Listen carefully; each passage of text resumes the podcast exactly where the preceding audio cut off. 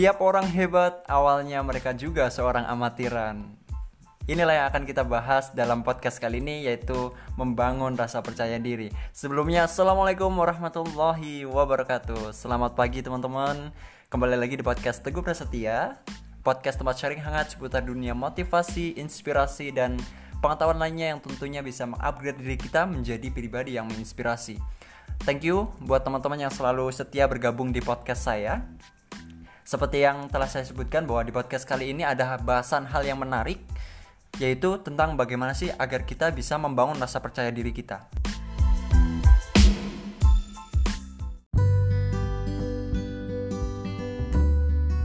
Ini sebenarnya banyak banget yang tanya tentang hal ini gitu.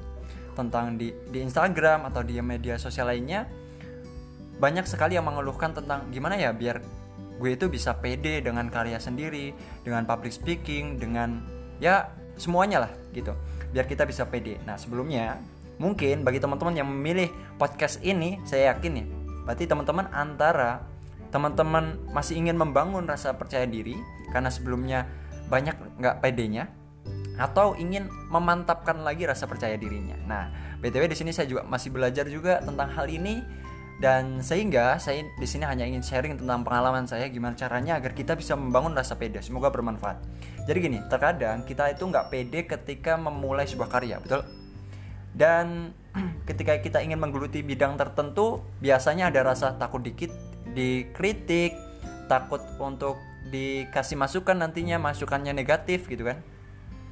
Dan takut juga hasilnya jelek. Padahal sudah paham bahwa di awal kita ingin menggeluti suatu bidang ya terus kita mulai berkarya pastilah hasil kita akan ya ya sebagaimana orang amatiran gitu kan. Pas awal-awal kita mencoba pasti hasilnya akan jelek dulu gitu kan.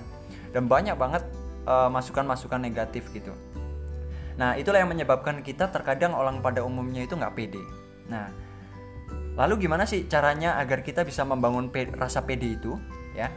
Sebelum kita masuk ya kita perlu pahami dulu dong bahwa nggak pede itu sebenarnya wajar sih.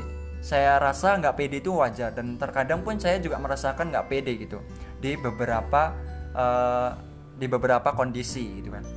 Ada banyak hal yang melatar belakangi nggak pede ini selain tadi itu ternyata orang sehebat apa pun juga mereka terkadang juga merasakan nggak pede loh terutama misalkan ketika se uh, seorang public speaker ya udah biasa untuk mengisi materi gitu kan.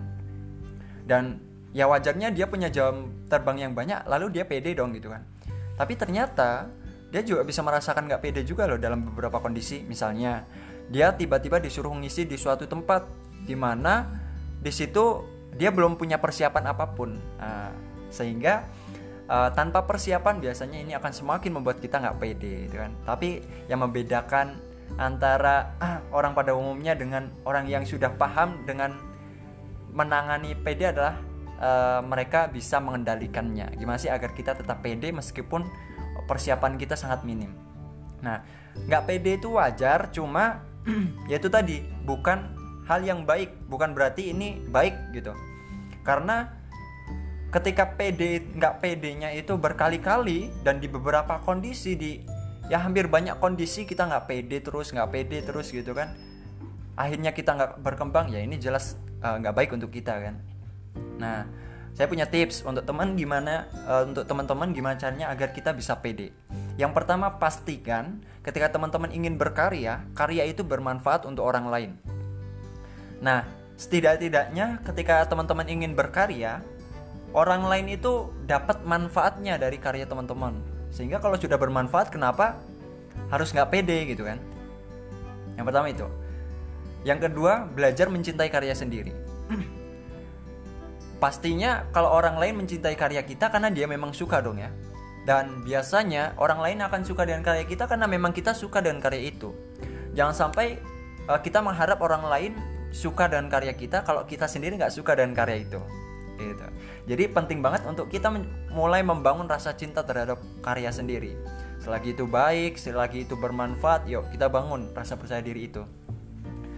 Nah selanjutnya, kalau ada orang yang kiranya nggak suka dengan karya kita setelah kita upload, setelah kita coba untuk uh, tampilkan, coba untuk coba kita menggeluti suatu bidang lalu ada orang yang nggak suka itu wajar men gitu karena memang pada dasarnya meskipun sehebat apa pun kita sebaik apa pun karya kita ya tetap adalah orang yang nggak tertarik dengan karya kita it's okay gitu karena memang tidak semua orang itu memiliki kesukaan yang sama betul dan mereka juga memiliki uh, apa ya memiliki pendapatnya sendiri-sendiri, persepsinya sendiri-sendiri. Ada yang si A akan mengatakan, "Wah, karya kamu luar biasa," gitu kan. Tapi si B dia mengatakan, "Ini kurang ini nih, kurang ini, kurang ini," gitu kan. Si C dia eh, nggak uh, memberi masukan dan nggak nge-like dan sebagainya, tapi dia cuma ngelihat. Artinya dia nggak tertarik. Ya itu emang wajar gitu. Yang nggak wajar adalah ketika kita menginginkan untuk semua orang suka dengan karya kita gitu kan. Coba teman-teman bisa lihat di video-video di YouTube ya para youtuber yang buat video sehebat apa pun karya mereka pasti ada satu dua orang yang mungkin akan nggak suka dengan karya itu atau tidak tertarik dengan karya itu. Termasuk saya sendiri pun mengalaminya. Ada beberapa orang teman yang mendukung saya ada juga yang mereka tidak tertarik ya dan lain sebagainya. Itu wajar sih itu jadi jangan berharap kita agar karya kita disukai oleh semua orang Selagi itu bermanfaat, maka lakukan. Yang terakhir yaitu kita itu harus pahami bahwa kita memang sedang belajar, bukan sedang bersaing. Kita bukan sedang bertanding dengan orang-orang yang karya-karyanya udah keren. Misalnya, kita ingin menggeluti sebuah bidang, yaitu namanya public speaking gitu kan. Ya di awal-awal kita belajar pasti dong hasil public speaking kita itu ya nggak terlalu bagus-bagus amat gitu.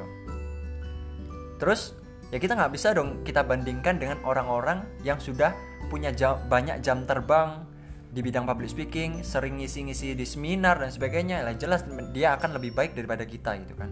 Nah, kita itu pahami bahwa kita nggak bersaing dengan dia, tapi kita belajar dari dia gitu, sehingga kita akan lebih pede. Nah, itulah dia beberapa tipsnya. Jadi satu hal yang perlu digarisbawahi dari segala poin tadi adalah sesuai dengan judulnya, yaitu Bagaimana kita membangun rasa percaya diri kita bukan mencari rasa percaya diri. Ingat, membangun bukan mencari. Karena pada dasarnya PD itu untuk dibangun, bukan untuk dicari. Bagi saya kayak itu. Kalau PD untuk dicari mungkin dengan mengikuti seminar, workshop atau training, kita belajar langsung tiba-tiba PD, bagi saya itu enggak sih. Mungkin itu elemen beberapa penambah meski misal, misalnya nih, kita habis ikut seminar motivasi lalu kita termotivasi kita jadi semangat pede nah yang menentukan kita jadi benar-benar pede atau enggak itu tetap diri kita gitu. Sehingga pede itu memang harus dibangun harus dilatih terus ada prosesnya gitu kan.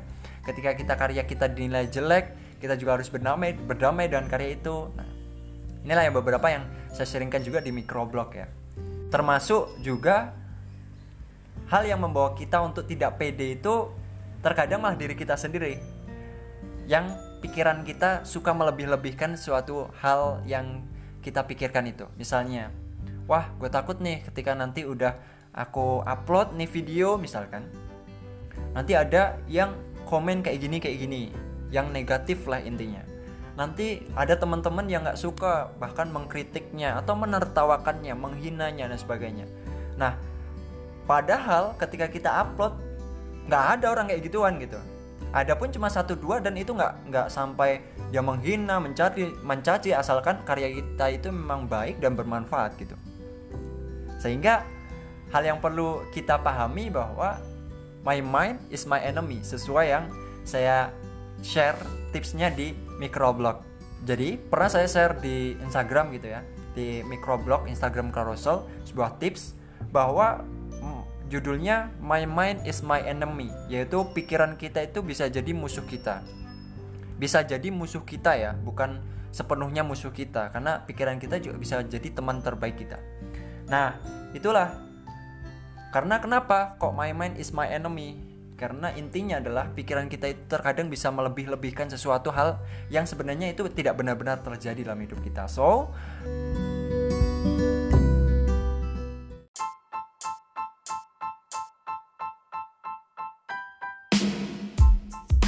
Bangunlah rasa percaya diri itu selagi itu baik dan bermanfaat untuk diri kita dan diri orang lain, maka coba kita bangun kita latih diri kita untuk pede. It's okay kita berdamai dengan kritikan kita terima masukan jadikan itu sebagai loncatan kita untuk bisa mempercantik memperindah karya-karya kita. Itu beberapa hal yang dapat saya sharingkan dari podcast kali ini. Semoga bermanfaat dan saya pikir teman-teman uh, ketika ingin benar-benar membangun rasa percaya diri gitu kan coba dari mulai sekarang setelah mendengarkan podcast ini teman-teman bisa mulai action dan mulai menambah banyak pengetahuan uh, tidak hanya di podcast ini tapi juga di media-media lainnya tentang bagaimana sih agar kita bisa pede Thank you buat teman-teman yang udah mendengarkan podcast kali ini dan pastikan teman-teman juga mendengarkan podcast saya lainnya ya. Karena banyak banget hal yang saya bahas di podcast ini dan saya mulai rutin untuk mengupload podcast-podcast dengan bahasan-bahasan yang menarik tentunya. Itu teman-teman, thank you dan saya Teguh Prasetya, keep spirit, you can do it. Assalamualaikum warahmatullahi wabarakatuh.